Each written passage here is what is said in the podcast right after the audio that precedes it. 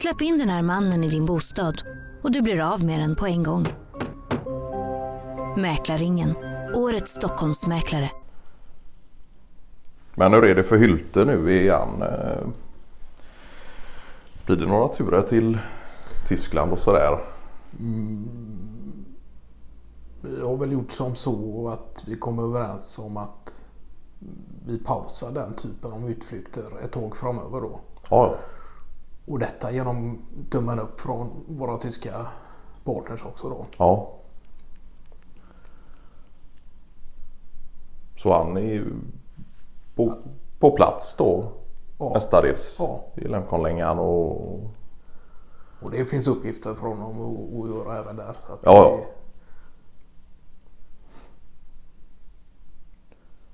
Han kan ju gärna vilja ha saker i görningen eh, och många bollar i luften och se till att han gör själv för sin lön så att säga. ja, ja. Han är ju han är ju väldigt självgående på det sättet. Ja, Han hade fått någon fix idé där om att sortera nere på lagret och kolla vad det egentligen är ni har och vad som ligger där och ja. Behöver nödvändigtvis inte ligga och skräpa men om det är gamla grejer och sådär och ja precis. Och sen har det väl även funnits visst sug från hans sida att åka över till det större magasinet och även kolla över vad som finns där som eh, ja, både kan sparas eller eh, flyttas till container. Eller Ja, just det. liknande. Och så hade han gjort något slags... Han hade bett Pallstål om att göra något slags intern dokument där med och skriva upp exakt vad som finns och vad som inte finns och Ja, just det.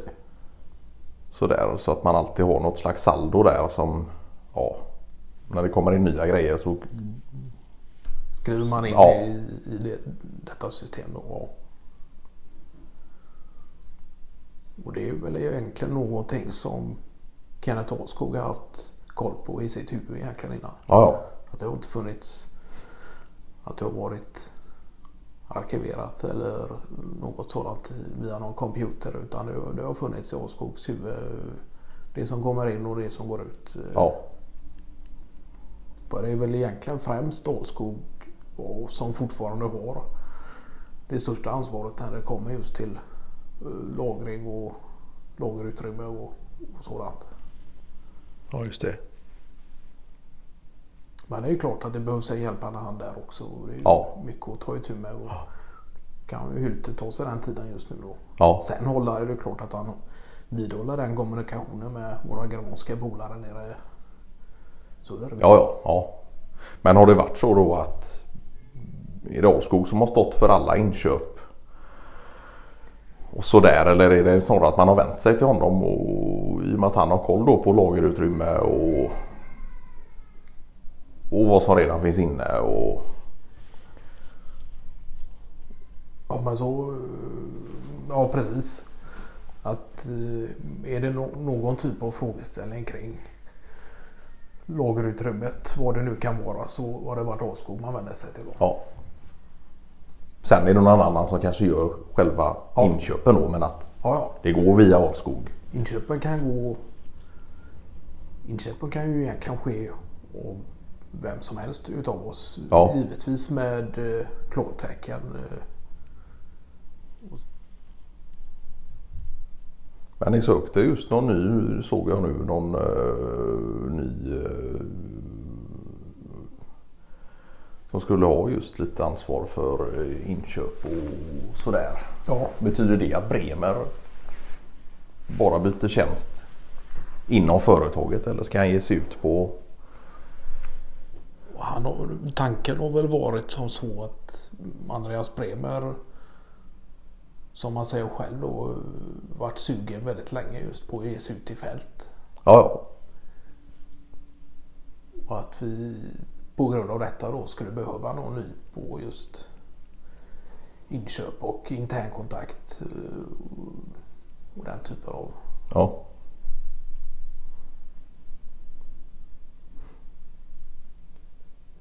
För det kan man väl säga att Bremer hade hand om den eh,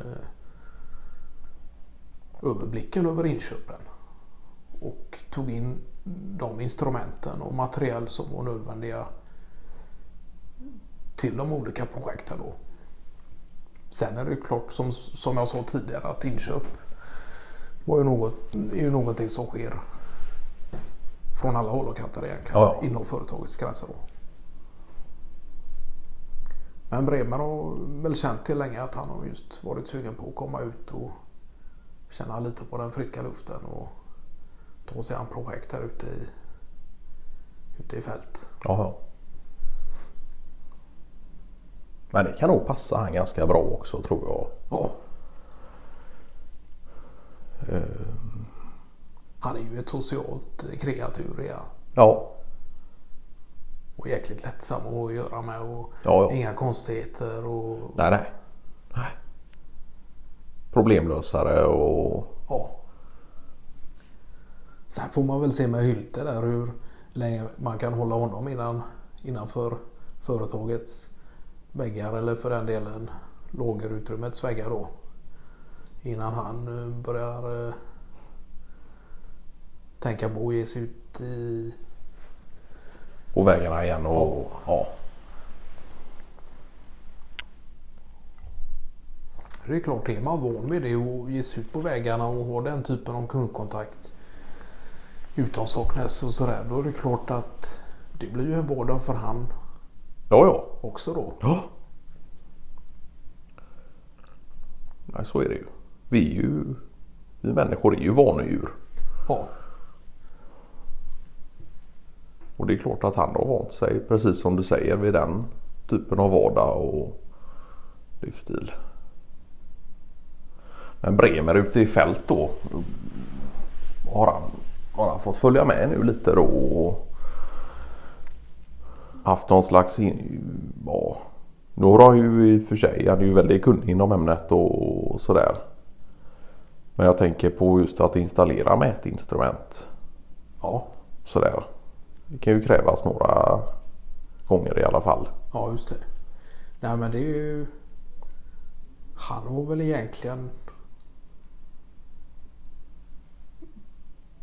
Redan när han började på företaget så var ju han kunnig inom detta. Ja, Sen har väl det utvecklat sig som så att han genom vissa tillfällen har fått komma ut i fält även om han har haft en tjänst inom företagets väggar och, och lärt sig lite successivt om hur kanske framförallt kundkontakten ser ut på ja de olika fronterna. Då. Ja. För det har man ju nästan fattat att det har ni ju haft som en policy. Att oavsett om du sitter inom företagets väggar och jobbar med internkontakt och inköp eller om du nu jobbar i magasin eller något sånt där så ska du även ha varit en viss typ av dagar med ute i fält Ja, och vice versa. ja, Så att du lär känna företaget och alla poster i, i princip.